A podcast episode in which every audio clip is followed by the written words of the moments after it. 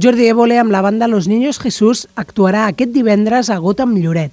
En una entrevista que el diari La Vanguardia va penjar a les xarxes socials, Évole explica que tot va començar de manera molt informal entre un grup d'amics que quedaven per passar-ho bé. Cuando los padres de un amigo se iban de casa y todo ese fin de semana te lo pasabas en casa de ese amigo, pues un poco esta es la casa donde nadie nos controla. Porque nosotros venimos aquí a, a- es que a echar el rato. Y veníamos aquí, ensayábamos y, y improvisábamos temas y nos íbamos a las tantas después de habernos reído mucho, mm, de tomarnos un par de quintos y, nos llama a la semana, dice, oye, que el primer fin de semana de, de julio tocáis en Bilbao, en el BBK.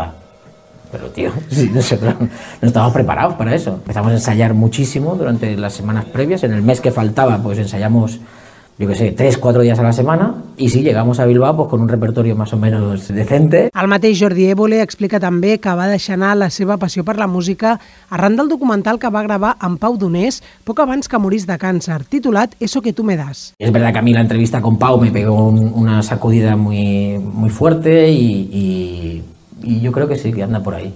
Anda por ahí y, y lo tenemos muy presente y en, en- en los conciertos siempre está. Tot i que el mediàtic periodista reconeix que li encanta la música i pujar als escenaris, també és conscient de quin és el seu rol dins del grup. Yo soy el cancho comercial, porque es que uno tiene que asumir su rol.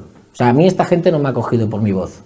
No me ha cogido porque yo sea un cantante de la hostia, no. Nosotros vimos una oportunidad muy clara cuando una vez eh, que fui a- al intermedio y luego me fui a cenar con Wyoming, le pregunté, ¿y tu banda? ¿Qué tal? ¿Cómo vas con la banda? Y dice, no, lo he dejado, porque ahora con la pandemia y tal lo he dejado. Y yo pensé, wow, esta es la mía.